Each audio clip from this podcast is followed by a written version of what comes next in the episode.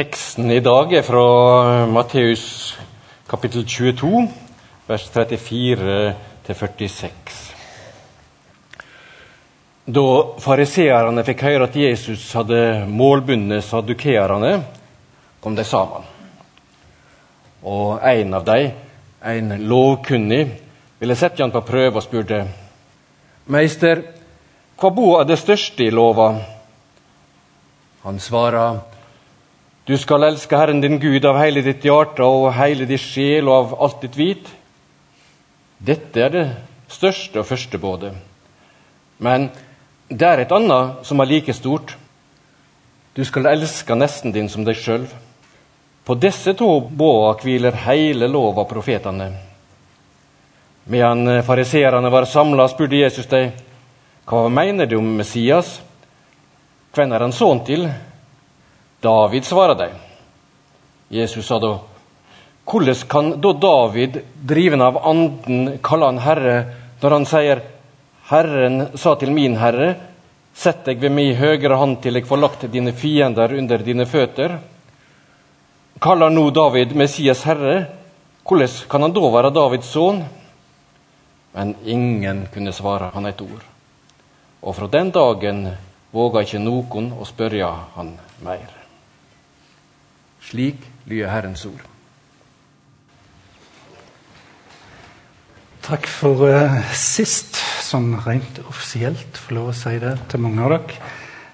Veldig kjekt å se mange av dere som har sett fra denne synsvinkelen før. Ca. ni år siden. De fleste av dere sitter faktisk på samme plassen. Ikke verst. Så uh, ekstra kjekt å se dere som er nye. Uh, ja, litt om meg sjøl. Sist gang jeg sto på denne scenen, så hadde jeg ikke på meg progressive briller. Ikke ble bekymra for når jeg drakk kaffe om at jeg måtte på do i løpet av preika heller. for å si det sånn. Så sånn, eh, og Jeg husker vi snakket masse om denne 50 pluss-gjengen, og plutselig ser du der sjøl. Men eh, jeg har hatt, hadde syv fantastiske år i bymenigheten. Veldig veldig flotte og lærerike år. Og eh, de har gjort stort inntrykk og preget meg, sikkert mye mer enn dere. Men de har vært med meg inn i det videre arbeidet. En av de tingene vi slapp å ha i sammen de åra jeg var her, det var rett og slett korona. Det Vi slapp hele den greien der.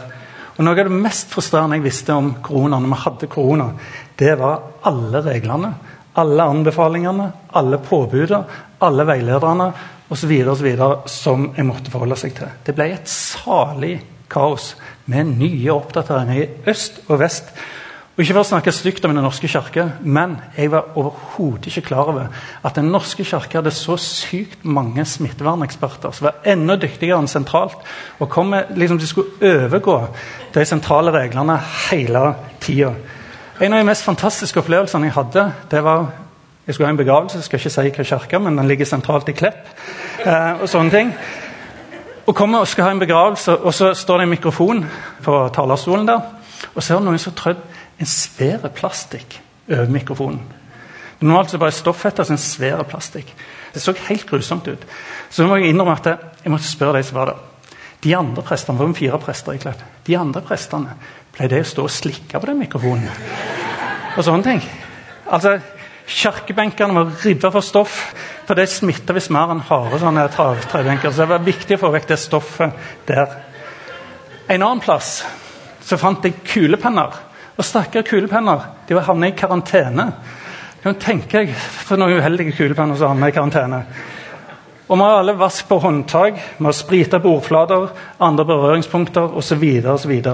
Det å ikke lukte sprit i en periode, det var skummelt. Du skulle lukte sprit. Sånn var det bare. Og når du dukte nå ned i disse smittevernveilederne, da ble det bare mer og mer regler og ble mer og mer forvirra. For hvordan definerer du avstand? Er det fra skulder til skulder? Eller er det fra nase til nase? Eller fra munn til munn? Er det en forskjell om du er overbitt eller underbitt? Altså, hva, hva, var liksom problemet? Hva, skulle skulle gjøre dette? Og Var du i samme husstand, ja, hva betydde det? Ikke sant? Og Hvorfor var det sånn at i et rom med fastmonterte stoler så kunne det være 200, mens i denne salen her så kunne det nesten bare maks være 50 i en periode? Helst ikke det engang. Og hvis du fant på at du skulle montere dem fast etter korona, Nei, da var det ikke faste. Det var visst bare faste de som ble festa før korona. Så det ga jo veldig mye mening. Og For oss som prester så føltes det meningsfylt å gå inn på Biltema og se her har du lov til å være 450. Så jeg vurderte å flytte noen av vielsene inn på Biltema. For vi hadde bare lov å være ti perioder i Frøyland Ostadkirka, som er ganske stor. Det ga jo veldig veldig mye mening, og denne veilederen ble jo bare tjukkere og tjukkere. tjukkere, tjukkere. Og så gikk to år med korona i mitt liv. Så jeg mange ganger lurt på det har tre enkle regler? Hold en meter avstand. Host i armkroken, og hold deg hjemme hvis du er syk. Og Vi som bor i Klepp sør for Skjævelandsbrua, har i Klepp kommune, der har de en fantastisk paragraf null. Den gjaldt ikke i korona, dessverre, og det, det er lov å bruke ved. Hva om du hadde hatt de fire reglene? Nå vet jeg ikke om det er 613 koronaregler som måtte overholdes, men for en jøde på Jesus' i tid så var det en haug med bud og regler som måtte fylles. 613 stykk. Og Disse budene starter jo i utgangspunktet enkelt, med de ti bud. Men så utvikler de seg gjennom Mosebøkene gjennom profetene og alt dette, til 613 bud som må holdes.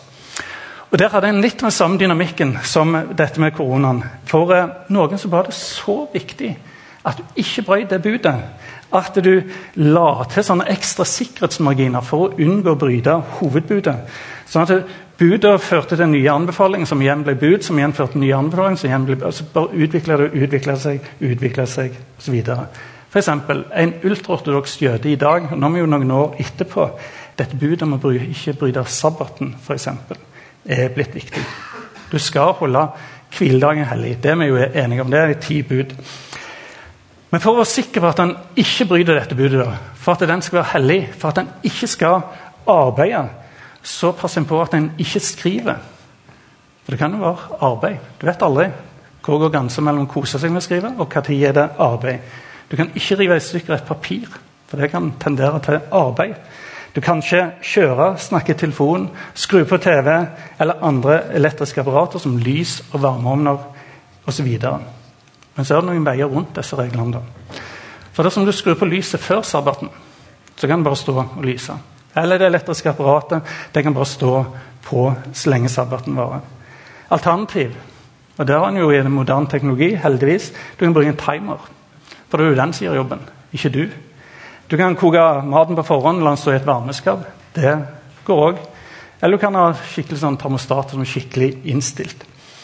Disse og mange andre regler må en forholde seg til. Det var jo ikke elektrisitet på Jesus' i tid, så jeg har liksom måttet lage nye, nye bud. Men de fleste av jødene var klar over de fleste av disse 613 reglene.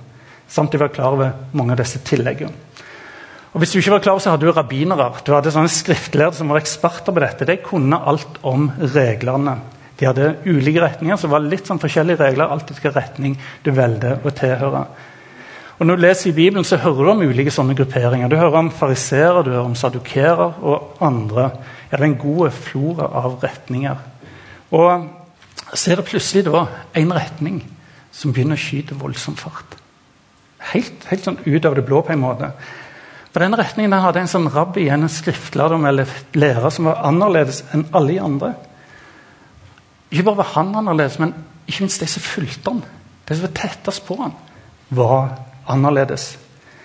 De som ble kalt disiplene hans, var, det var liksom ikke sånn disippelemner. Heller tvert imot. Det var fiskere, tollere. Og på den tida til og med noen damer. Alt i alt så det ble sett på som en brokete gjeng. Det var liksom ikke de som skulle følge etter en rabbi. Man vet uttrykket at like barn leker best, men, men her ble det på mange måter ulike barn som likte han best. Det som i utgangspunktet var mest likende, de var i opposisjon til han. Og Så får han denne oppslutningen rundt denne bevegelsen sin. Og Ryktet forteller om både under og tegn. Men ikke minst dette budskapet som er så frigjørende. Det setter folk i frihet. Det binder ikke folk. Fariseerne, sadukerene og alle disse andre som på mange måter har stått og kjempa for loven og brudd og alt dette i lang lang tid, de finner ut vi må sette denne bevegelsen på plass. En gang for alle. Derfor leser vi i Matteus 22.: går fariseerne bort, og de blir enige. De skal fange han i ord. De tenkte hvis vi får satt ham på plass i forhold til Bibelen, da kan de avsløre han her kan jo ikke Bibelen. Og Da vil folk forstå at han må de absolutt ikke fylle. Derfor kommer de til han og sier 'Mester'. Fariseerne sier dette. Og De syns ikke han er mester i det hele tatt, men de starter høyt. Vi vet at du alltid holder deg til sannheten og lærer sant om Guds vei. Du bryr deg ikke om hva andre syns, for du ser ikke på person eller rang. Det de driver på med, er å prøve å mørne han opp, ikke sant? få han til å senke garden. Og Så tar de opp dette vanskelige spørsmålet da, om skatt. Det vil de trenge opp i et hjørne. Er det lov Er det lov for en jøde å betale skatt til romerne, til de romerske okkupantene? De som undertrykker oss, de som virkelig holder oss i et jerngrep og ødelegger så mye for oss. Det spørsmålet for Jesus. Det var nesten like vanskelig som jeg tror regjeringen har opplevd spørsmålet om strømstøtte nå i høst. For Samme hva du foreslår, så er det alltid noen som er imot. Alltid noen som syns det er galt. Noen, det er alltid noe feil å finne. Du blir alltid arrestert. Stakkars regjering, sier bare jeg, som har havna midt oppi dette.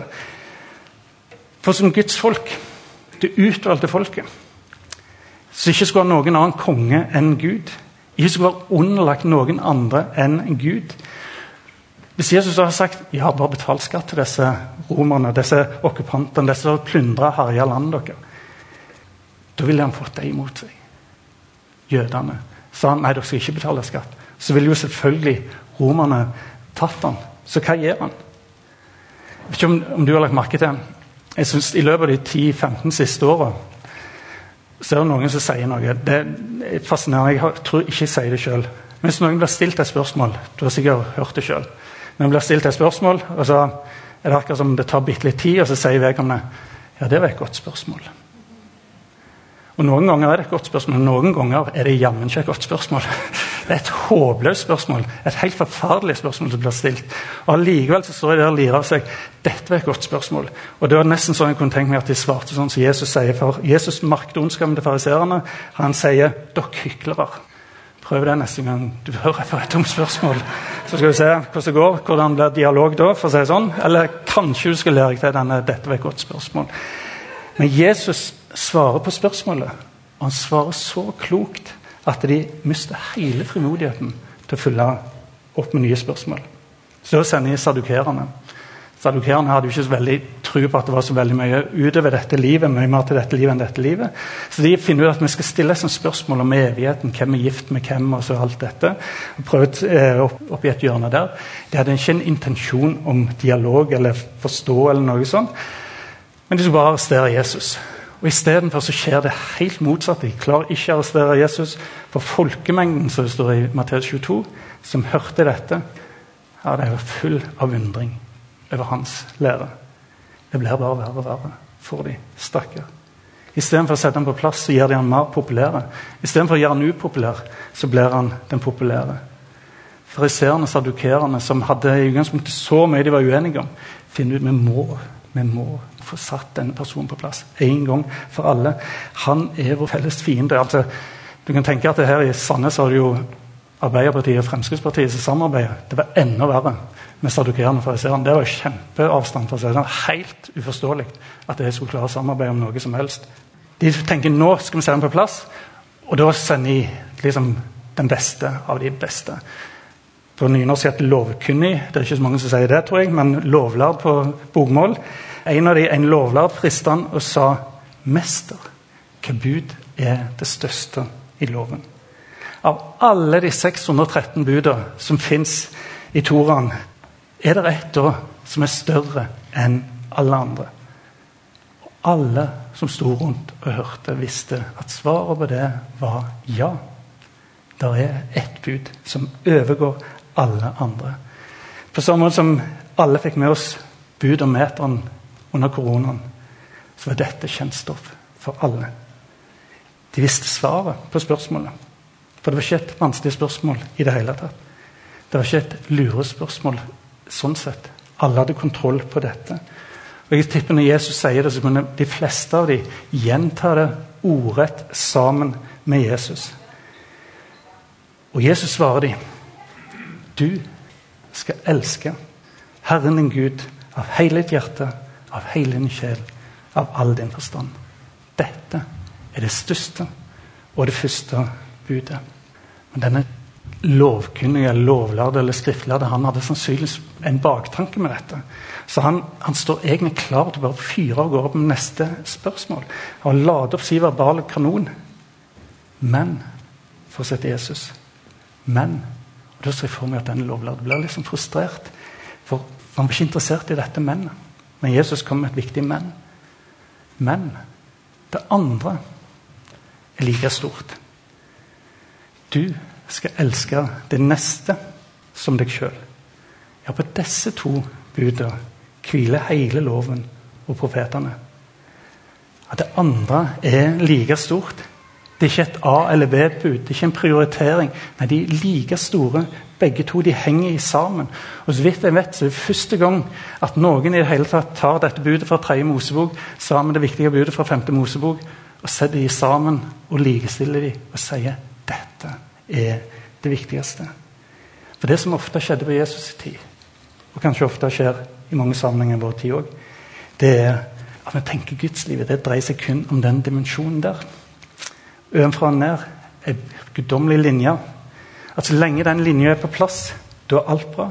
Så lenge du kan si 'Jeg elsker Gud', jeg har full fokus på Han, jeg synger de rette sangene, jeg leser i Bibelen, går på de rette møtene, da er alt bra. Sagt på en annen måte en person kan elske Gud, men behandle andre mennesker elendig. Han eller hun kunne nærmest være en drittsekk med andre mennesker. Vi ble jo konfrontert med det, så kunne han nærmest bare si jo, jo, men jeg har min sak i orden med Gud. Og det er dette Jesus tar opp. At det ikke er greit å si du elsker Gud, mens du ikke er god mot de menneskene rundt deg. Derfor oppsummerer han denne diskusjonen med følgende. For disse to budene for disse to budene hviler hele loven og profetene. Dette er oppsummeringen, sier han, av Det gamle testamentet. Vi hadde ikke Gamle testamentet da, sånn som vi har det nå. Det var ikke formalisert som en bok på en måte, men alle visste hva bøker han snakket om. Alle visste hva det dreide seg om. Hadde Jesus satt en powerpoint, så tror jeg han ville oppsummert det ca. sånn som dette. At hele, alle bøkene i Gamle testamentet, alt dette, kan summeres opp og hvile på to bud. Det er elsk Gud og elsk det neste. Han oppsummerer de 613 lovene med alle regler og alt det som kom etterpå, med to ting. Og på samme måte som ulike tolkninger av korona har skapt forvirringer, så gjorde jo loven det samme. Kanskje det enkleste for regjeringen har vært sagt Hold meteren. Host i armkroken. Hold deg hjemme om du er syk. Og en meter er det en meter. Du slapp å lure på det. En armkrok er en armkrok. De fleste av oss har det. Og når Jesus oppsummerer, så gjør han på samme måten. Spesielt når vi ser at Jesus blir utfordra på hvem er min neste. For det òg ble jo et spørsmål hvem er min neste? Og Skulle du være i tvil om det, så legger han lista ganske høyt og ganske presis. For han sier du har hørt det sagt, du skal elske den neste og hate den fiende. Men jeg sier dere, elsk dere fiender. Velsign de som forbanner dere, og gjør godt mot de som hater dere. Og ber for de som mishandler dere, og forfyll dem. Vi er de som er her, som tror på Gud, tror på Jesus, vi har ett oppdrag. Elsk Gud og elsk vår neste. Når vi samles til fellesskap sånn som vi er her, hvorfor samles vi? Jo, for vi skal elske Gud. Vi skal elske vår neste. Oss som er her, og alle forbi. Og vi skal elske Gud. Og nå sånn at Jeg både kom fra Jørpeland og flytta til Jæren. Dette ordet 'elske' er et ord som jeg syns det, det vokser litt i munnen på en måte for meg. for det, De greske ordene 'eros' og 'filio' og 'agape' blir det samme på norsk. Det ordet som Jesus bruker i denne sammenhengen, det er ikke ordet 'eros' som vi kjenner for erotikk, eller 'filio' som vi kjenner for homofili og bifili og heterofili og alt dette. Men det ordet Jesus bruker, det er et mye sterkere ord, nemlig ordet 'agape'. Og det er så mye dypere, det er så mye mer kraftfullt enn de to andre. Hvis du skal prøve med en definisjon av ordet agape, så kunne dette vært definisjonen. Agape det er den guddommelige kjærligheten som ikke stiller krav og ikke forventer noe tilbake.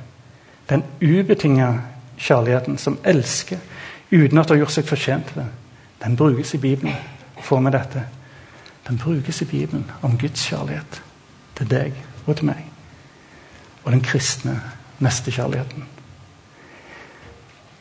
Hos meg så har jeg endra litt på Jeg skal ikke si jeg har på Bibelen, men, men min livsoverskrift har blitt litt annerledes enn 'elsk Gud, elsk nesten'. Jeg har funnet ut jeg skal være nær Gud og nær mennesket. Det er mitt oppdrag, og det er ditt oppdrag. Å være nær Gud og nær mennesker.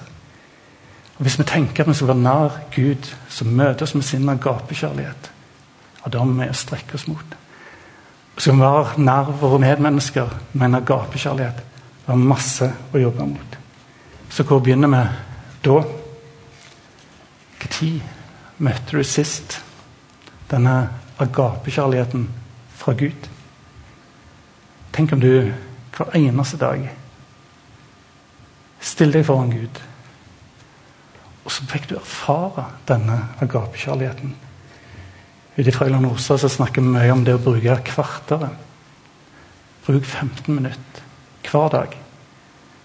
Nå er ikke poenget at du skal være hver 15 minutter, men det handler om å sette av gitte tidsrammer hver eneste dag med takk og tilbedelse til Gud. For at han møter deg med sin agapekjærlighet. Han møter deg ikke ut ifra en prestasjon, men ut ifra en relasjon. Og folkens, det er der han ønsker at vi skal være. I møte med ham. Så skal vi få ta imot denne kjærligheten. Og så skal vi få gi den ut til mennesker rundt oss. Vi skal gi den sånn at mennesker får lov til å se det fins fortsatt en god Gud som er til stede i denne verden. Jeg vil vi skal reise oss, og så skal vi be litt sammen.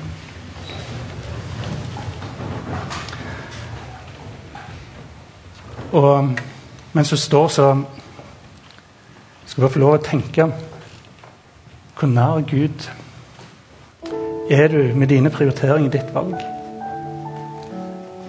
Du skal få lov til å se for deg den Gud som uh, i denne historien om den bortkomne sønn. Men den sønnen som får lov til å komme hjem. Og Gud som bare omfavner ham. Og Jeg er sikker på at uh, mange av dere daglig erfarer denne Gud som bare omfavner. Andre igjen har gjerne kjent på at det, det var altfor lenge siden. Jeg kjente på denne omfavnelsen. Jeg kjente på denne ubetinga kjærligheten. Og Jeg har lyst til å be spesielt for deg som tenker at jeg trenger å vende tilbake til han faren som kommer springende i møte med meg. Bare omfavne meg og si 'velkommen hjem, bror', 'velkommen hjem, sønn', 'velkommen hjem, datter'. Andre igjen har gjerne noen personer rundt seg som de, de vet at ufortjent så trenger de å bli møtt av kjærlighet. De kan ha gjort mye galt. Men du kan møte dem med den kjærligheten fra den Gud som eldste verden så høyt at han ga sin sønn til soning for alle syndene. Så strekk ut hendene, så skal jeg be to bønner for alt etter situasjon. Jesus, takk for at du tar imot oss. Og du kjenner hver enkelt her nå som trenger å se at det du kommer springende imot. Takk for at du omfavner og berører. Takk for at du eh, sier 'velkommen hjem', sønn. Velkommen hjem, datter. Velkommen hjem. Og det er ingenting fra de sider som hindrer dette. For du ønsker å ta imot oss. Ubetinget og bare av nåde. Herre Jesus, jeg har lyst til å be for alle som Kanskje har en person de tenker at det, han eller hun skulle jeg ha vært nær. Selv om det vil koste. Og selv om det er mange ting som ligger imellom. Men jeg skulle vært berørt vedkommende med din kjærlighet. Ikke ut ifra fortjeneste, men ut ifra nåde. Jesus, hjelp oss å være dine hender og føtter. At det var ditt hjerteslag ute i denne verden. Det ber vi deg om i ditt navn, Jesus. Stå og synge hjerteslaget sammen.